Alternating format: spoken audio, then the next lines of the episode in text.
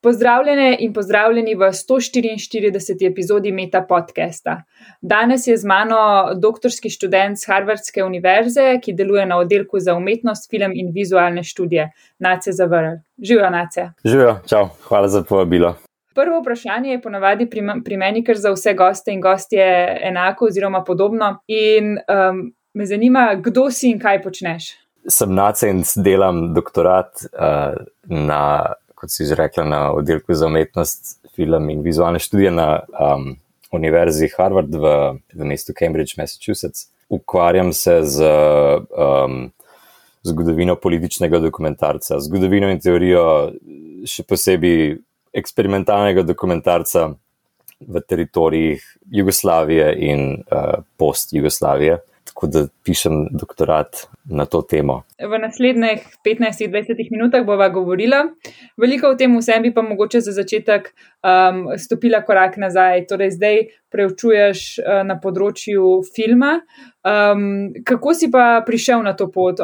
Že vedno zanimanje za, za filme in za, za, za to vrstno smer, kaj si študiral pred doktoratom? Pred doktoratom sem bil na do diplomskem študiju v Londonu na koledžu, ki se imenuje King's College. Pa sem naredil en magisterij iz teorije sodobne umetnosti na um, koledžu Goldsmiths, isto v Londonu. Zdaj mislim, da neka ta prva odločitev za, um, za filmske študije v mojem primeru je bila bolj kot neintuitivna. Nekako se mi je zdelo, da, da, da, da, me zanima, da me zanima gibljiva podoba, da me zanimajo filmi ampak ne na način, da bi jih rad proizvajal, ne na način, da bi rad nekako vstopil v filmsko industrijo po faksu, ampak bolj iz nekega analitskega, kritičnega um, vidika.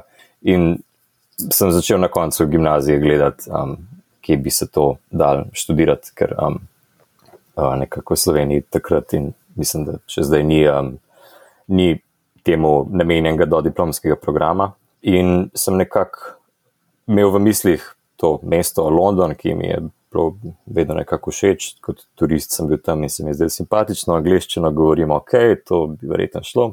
In sem se prijavil na par faksov v, um, v Londonu in tudi po, po drugih mestih v, v Veliki Britaniji in imel to, imel to srečo in privilegij, da so me in sprejeli in da um, sem dobil štipendijo, ki je pokrila večji del um, šolnine. In sem tam ostal štiri leta uh, na dodiplomcu in na magisteriju, pa sem pa uh, vzel eno leto pauze in uh, se začel prijavljati na doktorate. Uh, nekako sem že iz začetka, že od začetka dodiplomskega študija, sem imel nekako v glavi, da, da, bi to, da bi jaz to študiral kar do konca, da, da, da, da, bi, kar, da bi kar končal, da, da bi šel do te neke najvišje stopnje, kot se da in to je pač doktorat in se mi je zdel tako bolj kot neintuitivno, da, to, da je to nek logičen zaključek te, te moje uh, akademske poti. Omenil si, ne, kako si prišel do Londona oziroma do Združenega kraljestva, uh, potem za ZDA, malo si že namignil, da si kar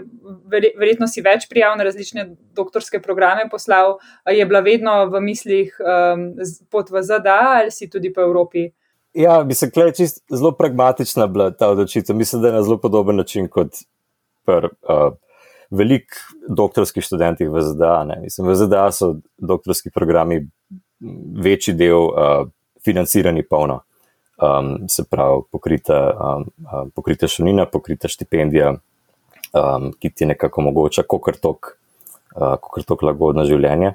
Zdaj v Evropi ne, se mi je vedno zdelo, da je to dosti težje. Vsaj za humanistiko v Veliki Britaniji je situacija, pač, da, da, dobiš, da dobiš denar za doktorat iz humanistike v Londonu je praktično loterija, mislim, da je ne mogoče. In se mi je zdela zdel Amerika uh, čist iz njega tega praktičnega vidika super destinacija. Hkrati pa vsaj v mojem fahu, zdaj ne vem, mogoče je drugače v drugih, ampak uh, v mojem fahu imajo te ameriški elitni, uh, vsaj ti neki Ivy League programi, imajo to, um, imajo nek tak, mislim, imajo pač prestiž trajajo del, ki trajajo šest let, sedem let, osem let in imajo ta renome, da to je pa res nek rigorozen program, da to je pa resna zadeva, to ni, to ni sam nek študij, ki ga ti to ni samo neka doktorska naloga, ki jo napišeš, to je kao pa še vse zraven. Pa, da, da, veš, da je res tak uh, kompleten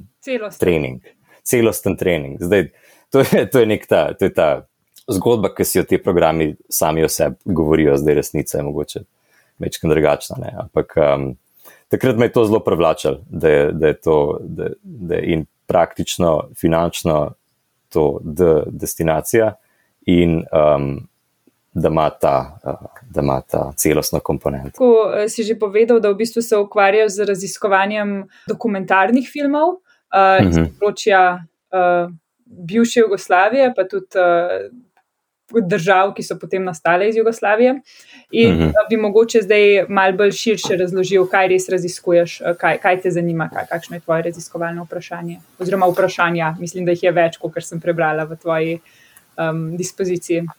Ja, uh, več jih je. Mislim, čist iz, iz prvega, čist na začetku imam ta impuls, da, um, da vsaj v angleškem jeziku ni, um, uh, ni knjige, ni, neke, ni, ni cele monografije o uh, jugoslovanskem ali pa postjugoslovanskem dokumentarcu. Ne? Tako da to je res neraziskan teren uh, v angloameriških filmskih študijah. Recimo.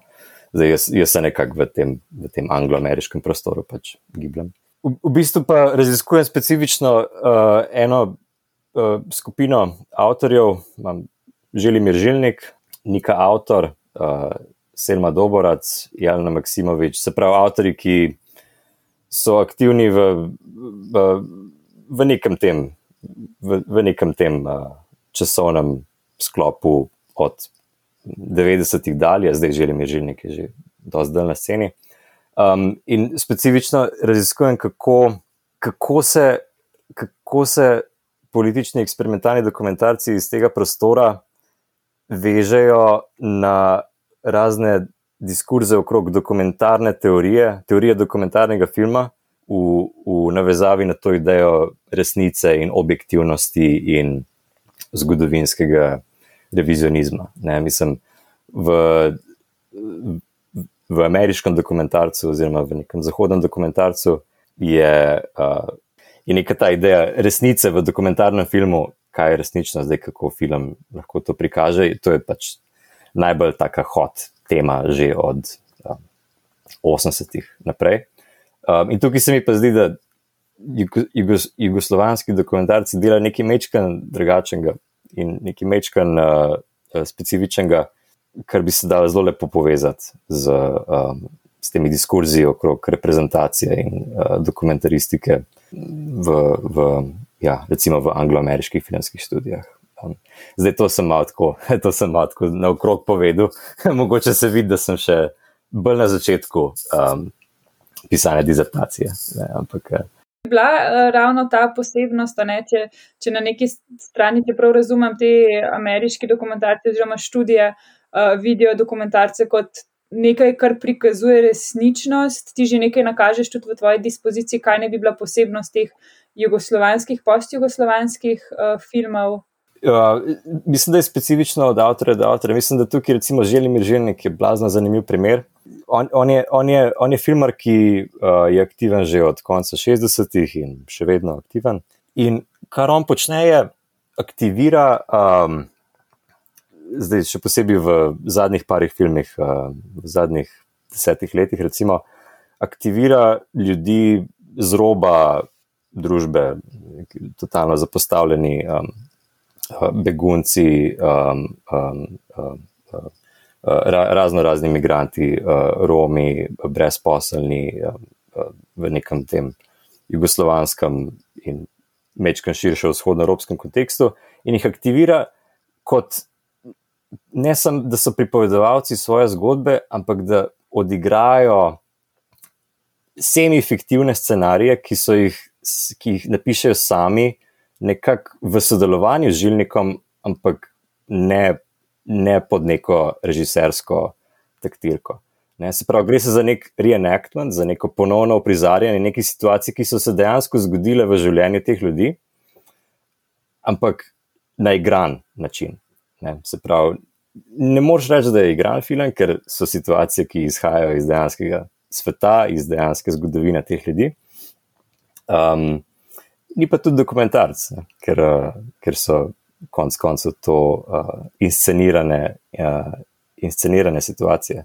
Tako da, recimo, on bi bil en tak primer, ki, ki, ki ga je težko umestiti, v bistvu to hočem povedati, ne, da ga je težko umestiti v zgodovino dokumentarca um, zadnjih 50 let ali pa v zgodovino dokumentarca nasploh. Nekako ni, se mi zdi, da dela neki, to, to kar sem to, kar sem zdaj razložil, mislim, da dela na mečka drugačen način, kot, uh, reenact, kot se je reenactment recimo razumel uh, v 80-ih v ZDA s kakim uh, Erolom Morrisom ali pa kakim takim um, velikim avtorjem. Um, Odkot prihajajo te prakse, ki jih uporabljajo mogoče režiserji, režiserke na tem področju? Kako, odkot izhajajo? Odkot izhajajo to vrstna praksa, recimo, da, da so sploh je to nekaj čist inovativnega, ko so oni sami razvili na tem področju, ali je to že bilo, ki je videno v kakšnih drugih filmih? Mislim, sigurno so kle, mislim, se, to, je, to je pa še najbolj zanimivo tukaj, ker Jugoslavija ima dolgo tradicijo eksperimentalnega dokumentarca, mnogo pred razpadom Jugoslavije, seveda. Um, Tako da takrat se kažejo, kako je tako zelo zanimiva tendenca. Be Beogradska šola dokumentarnega filma je ja, blazno zanimiva v tem smislu. Um, ja, tako da iz večjih virov se tukaj črpa, se mi zdi. Specifično na primeru Žilnika, um, njegove reference, filmi, na katere se on sklicuje, so blazno idiosinkratični. Uh, on bere, uh, recimo, um, ameriško zgodovino Howarda Zina. Ne, in potem iz te Ameri iz, iz knjige uh, Brief Hist uh, uh, A People's History of the United States, ki je neka taka zgodovina Amerike, napisana iz kao perspektive um, poniženega, zatrtega človeka. Um, Howard Zinn napiše neko tako revizionistično zgodovino ZDA. Recimo. In želim režimnik pravi, da je to njemu, da je to njemu blazna. Uh, uh, blazen vir inspiracije. Um, tako da, dost, dost so, dost so raznoliki tukaj viri. Um, ja, težko je prav na enega uh, specifičnega predhodnika tukaj kazati.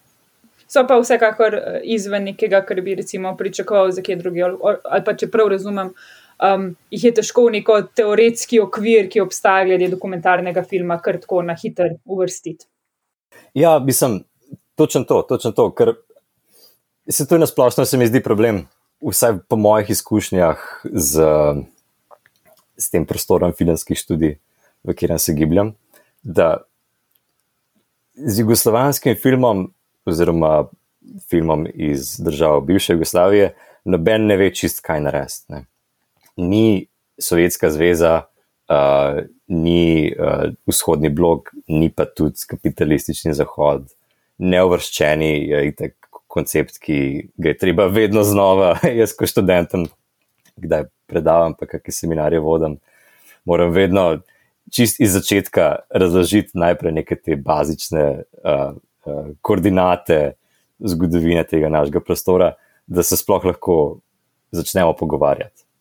Ne, mislim, koncept neovrščenih je itak že na, na višjem nivoju, je treba kar nekaj stvari uh, povedati, da do tega pridemo. Um, in neka ta, neka ta neko to splošno, splošna težava z umestitvijo Jugoslavije v nek tak zgodovinski geopolitični kontekst se tudi v filmskih študijah zelo lepo kaže. Um, mislim, da mogoče je to razlog, zakaj, um, zakaj, zakaj je tako malo napisanega o uh, jugoslovanskem, post-jugoslovanskem filmu v angleščini. Ker, res, ker, ker ga je težko umestiti ker, ker se ga zelo lahko na robe razume. Um, uh, in hkrati, ker nekako ni bilo še. Ni, ni, se mi zdi, da v primerjavi tudi z drugimi zapostavljenimi kinematografijami um, bivšega vzhoda, globalnega juga, um, kako koli hočemo temu reči, tudi v primerjavi s temi kinematografijami je Jugoslavija kar nekako ostala še vedno slepa pega um, v, se mi zdi, da v svetovnem prostoru filmskih študij. Um, sklepam pa, da imaš ti eno veliko prednost v primerjavi mogoče s tvojimi ameriškimi kolegicami in kolegi, če bi želeli raziskovati uh, jugoslovanski film in sicer to, da, da prihajaš iz tega okolja. In naslednje vprašanje, ki ga imam, je, kako poteka to tvoje raziskovanje? Predstavljam si, da boš kar nekaj filmov pogledal. ja, jaz večinoma filme gledam doma. Um, ja, raziskovanje poteka, mislim, da. Um, mislim, da poteka zelo podobno kot, uh, kot, um, kot pri kakšnem komparativistu ali pa pri kakšnem uh, drugem raziskovalcu iz humanistike. Mislim, velika, velik branja, oziroma v mojem primeru gledanja teh primarnih tekstov, ki so pač tukaj filmi uh, in literature, ki nastajajo okrog tega. Uh, tako zelo se mi zdi, da v tem smislu je to čist um, standarden humanističen študij. Um, mogoče jaz, jaz moram, zlik zaradi tega pomankanja literature, o katerem sem govoril, se, se pač kdaj moram na intervjuje zanesti, moram na bolj neformalne vire zanesti, um, moram na, ja, na neakademske um, vire kdaj pogledati. In v svoji dispoziciji imaš prav zanimivo tudi napisane, da, da boš izkoristil tudi poletja, uh, da boš obiskal lokalne knjižnice ali pa ljudi in vire. Ja, se to je v bistvu zanimivo, ker tale, um, mislim, sem na tem zelo velikem in bogatem faksu, ki se nekako ponaša s tem, da uh, karkoli njegovi študenti, raziskovalci potrebujejo v smislu virov, literature, materijala, da bo faks to priskrbel. Ne? Da pač imamo največji knjižnični sistem na svetu, da to mi lahko ti karkoli, karkoli zrihtamo. Zdaj, kadarkoli sem jaz zahteval knjigo, ki ni v angleščini, ja je v slovenščini, ja je v srbo-hrvaščini ali čemorkoli, uh, nikoli tega ne dobim, nikoli mi ne odobrijo, nikoli mi ne zrihtajo te knjige. Zdaj, je, se, se mi zdi, da je to čist. Razumem njihovo logiko, ker to bi verjetno samo, res samo jaz bral. Um, ampak je pa vedno zanimivo, kako se ti elitni faksi ponašajo z, um, s, to, s, te, s to idejo, da pač, da svojim, da svojim raziskovalcem nudijo vse za, čim, vse za njihovo delo, da, pač, da imajo dostop do vse literature tega sveta, whatever. Um, v praksi pač je sklele. Kaj govori večina? Dokler je, Ja, dokler je, dokler je v angleščini ali pa francoščini. že pri nemščini, nemščini je pa večkrat tako. okay. Pa mogoče bi se zdaj vrnila na začetek, um, preden, preden zaključimo, pa gremo na zadnji del. Omenil si, ne, da, da ni teh študij uh, jugoslovanskega filma in post-jugoslovanskega filma, da je tega zelo malo. Kaj pa v našem lokalnem okolju? Mislim, vem, da pač pri nas uh, tega študija, ki ga ti upravljaš, ni v Sloveniji, recimo, ampak ali obstajajo kakšni kakšni viri, ki so zelo lokalno vezani, torej ne vem, da bi, da bi v drugih državah bivše Jugoslavije že to preučevali in imajo že kakšno tradicijo preučevanja. Um, te... Ja, seveda. Ja, ja. To, to je, ljudje delajo na tem, seveda v, v Sloveniji, v Srbiji, na Hrvaškem. Je, je nekaj zelo zanimivih raziskovalcev. Tudi Umetnikov, filmarjev, ki so nekako na meji med raziskovanjem in um, ustvarjanjem, recimo, zanimiva je tukaj uh, Mila Turajlič, ki se mi zdi, da je študirala uh, jugoslovanske obzornike, mogoče celo na doktoratu nekje v Veliki Britaniji, zdaj končala ravno celo večerc uh, o snemalcu, ki je uh, Tita uh, spremljal po, um, po celem svetu in snemu obzornike. Tako da je, je, je, dosta raziskovalcev, je dosta ljudi na splošno, ki se ukvarjajo um, s tem področjem v Jugoslaviji. Zdaj, se, zato, je, zato se mi zdi, da um, to je v bistvu tukaj moje glavno vprašanje. Ne? Kako pri tej moji študiji uh, se, ne gre, se ne gre samo za študijo tega specifičnega prostora, ker vem, da obstajajo že ljudje, ki so veliko več naredili v smislu filmske zgodovine, v smislu zgodovinjanja teh filmarjev, s katerimi se jaz ukvarjam. Obstajajo ljudje, ki so to že raziskali v, um, v bivši Jugoslaviji. Ampak ravno nekako umestitev v uh, diskurze in v zgodovine uh, nekih širših filmskih študij, klepa se mi zdi, da mogoče še mečkar malo manjka. In s tem se v bistvu jaz pravim tukaj ukvarjati. To vrzel boš, upa, upaš, da boš zapolnil. Ja, to mi je nekako, to, to upam, da bom zapolnil. Ja. Kako so se od opisa do danes spremenila tvoja pričakovanja glede doktorskega študija in ali bi se ponovno odločil za doktorski študij? to je zelo težko vprašanje. V bistvu. um, ja, jaz bi se ponovno odločil za doktorski študij. Um, bi se ponovno odločil. Um, hkrati pa sem imel vsaj na začetku doktorata dost bolj, um, dost bolj optimistično, dost bolj um, um, nekritično idejo do. Um, do življenja po doktoratu. Ne, nekako sem imel to, to zamisel, da pač ja, valjda, če pač končaš doktorat na nekem, kako kar tok, fajn faksu, boš valjda dobil neko akademsko pozicijo. Pa, jaz, jaz sem bil zelo naiven v tem smislu. In še, se mi zdi, da šele ko sem uh, prišel v ZDA in dosti hiter v parih mesecih, uh, nekako ugotoviš, da um, job market za humanistiko pač je tukaj na robu propada, oziroma je že šel čez rob propada, um, in služb v tem fohu praktično ni. Um, tako da v tem smislu so se spremenila moja pričakovanja do doktorskega študija, ker sem nekako se mi zdel gotovo, uh, kot milijon ljudi, kot praktično vsak, s katerim se pogovarjaš tukaj na humanističnem doktoratu. Gotovo, da je to da smo v bistvu mi na, na treningu, na 5, 7, 10 letnem treningu za službo, ki ne obstaja več, ne? za službo, ki, ki je ni, oziroma ki jo dobi, ki jo dobita dva vsako leto, doktorirane pa 200. Um, tako da v tem smislu se spremenila moja pričakovanja, ker um, moraš začeti razmišljati o alternativnih poteh. Ne? In uh, mogoče akademski svet um, tukaj ni edina pot, oziroma morda sploh ni pot. Uh, zdaj, kljub vsemu temu, bi se pa po mojem ponovno odločil za doktorski študij, ker vsaj v, v ZDA s tem principom polnega financiranja za, za 5, 6 in več let, um, je to, mislim, je to izvrsten, izvrsten način, kako preživeti 5, 6 let da ti nekdo plačuje za to, da bereš in pišeš in gledaš filme, je, je, je izjemno. Tako da v, v, bistvu to, v bistvu je to služba za 5-6 let, za več, kako koli si pač tukaj. Tako da zaradi tega bi se ponovno odločil. Če bi imel priliko iti na kavo s predsednikom vlade, kaj bi mu predlagal, da izboljša na področju znanosti? Mogoče bi tukaj odgovoril, mogoče bi nečkan odgovoril na večkrat drugačen način. Ne vem, kako bi imel jaz za predlagati uh, slovenskemu predsedniku vlade, ker se res na slovenski uh, znanstveni sistem, znanstveni prostor ne, ne spoznam in nimam toliko vida.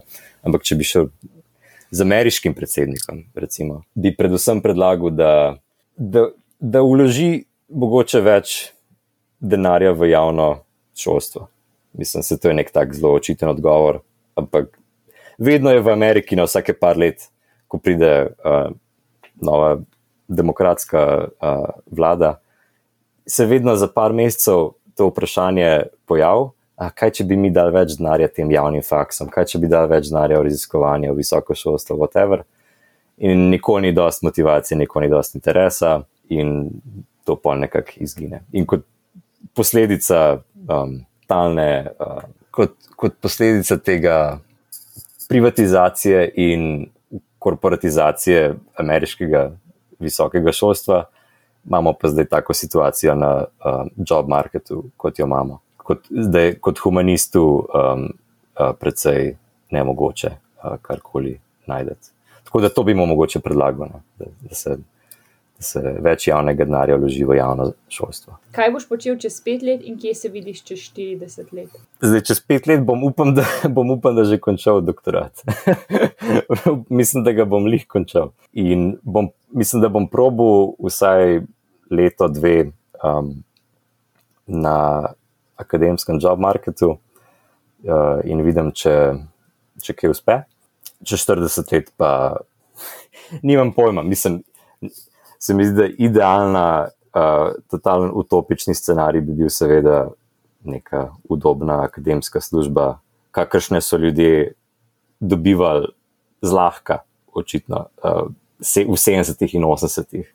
Ko slišiš, kakšne te zgodbe, v, v humanistiki, vsaj, ne? ko slišiš, kakšne zgodbe študentov, ki niso niti končali doktorata, ki so bili na sred doktorata in jim je nek faks že ponudil pozicijo. Ja.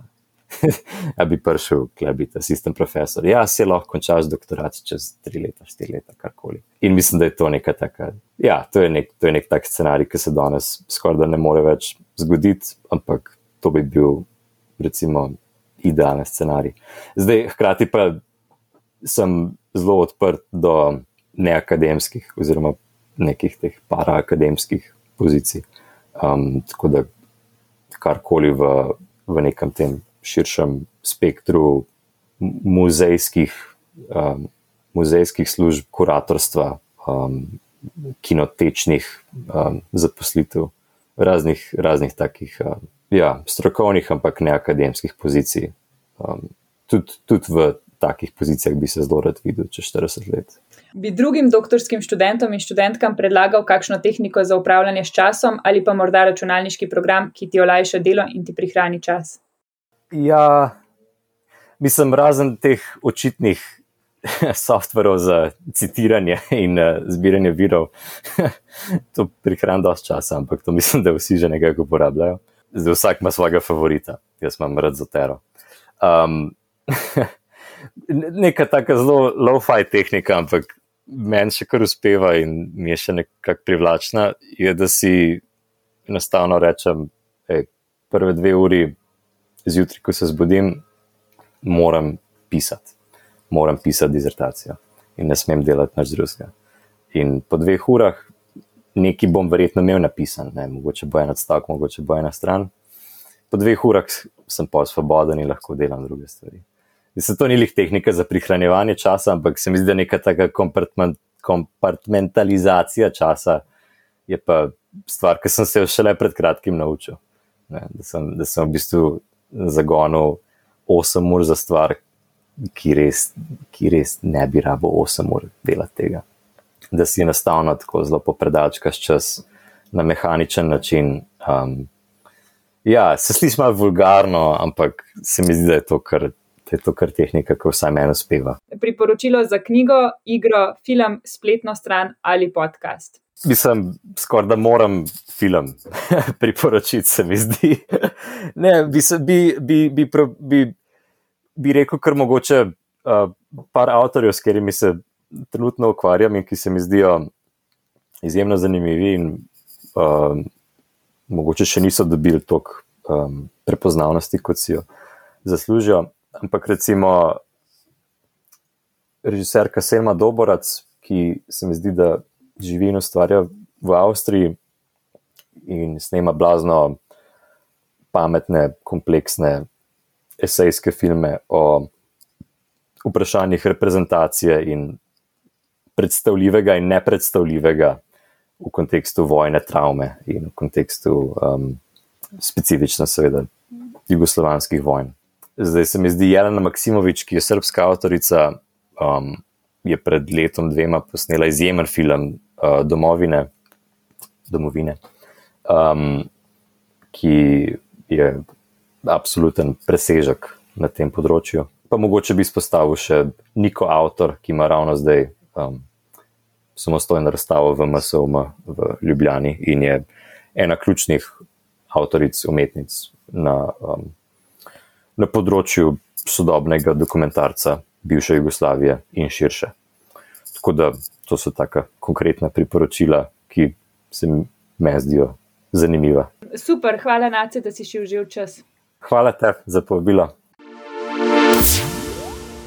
Meta podcast z doktorskimi študentkami in študenti ter podoktorskimi raziskovalkami in raziskovalci je del projekta Slovenian Scientists Around the World, Where Our Ships Are in the USA, ki ga v okviru programa NGO Small Grants sofinancira veleposlaništvo ZDA v Sloveniji. Poslušali ste Meta podcast, v katerem se pogovarjamo z mladimi znanstveniki in znanstvenicami z različnih področji znanosti. Podcast domuje na spletišču metinalista.si, kjer najdete tudi druge zanimive znanstvene vsebine. Naše delo lahko podprete z donacijo Metini listi, pohvale, pripombe in predloge lahko posredujete po e-mailu znanostafna.metinalista.si. Dobrodošli so tudi komentarji na Facebook profilu Metina Liste in na Twitterju Afna Metina Lista, kjer uporabite hashtag MetaPodcast. Se slišimo čez 14 dni.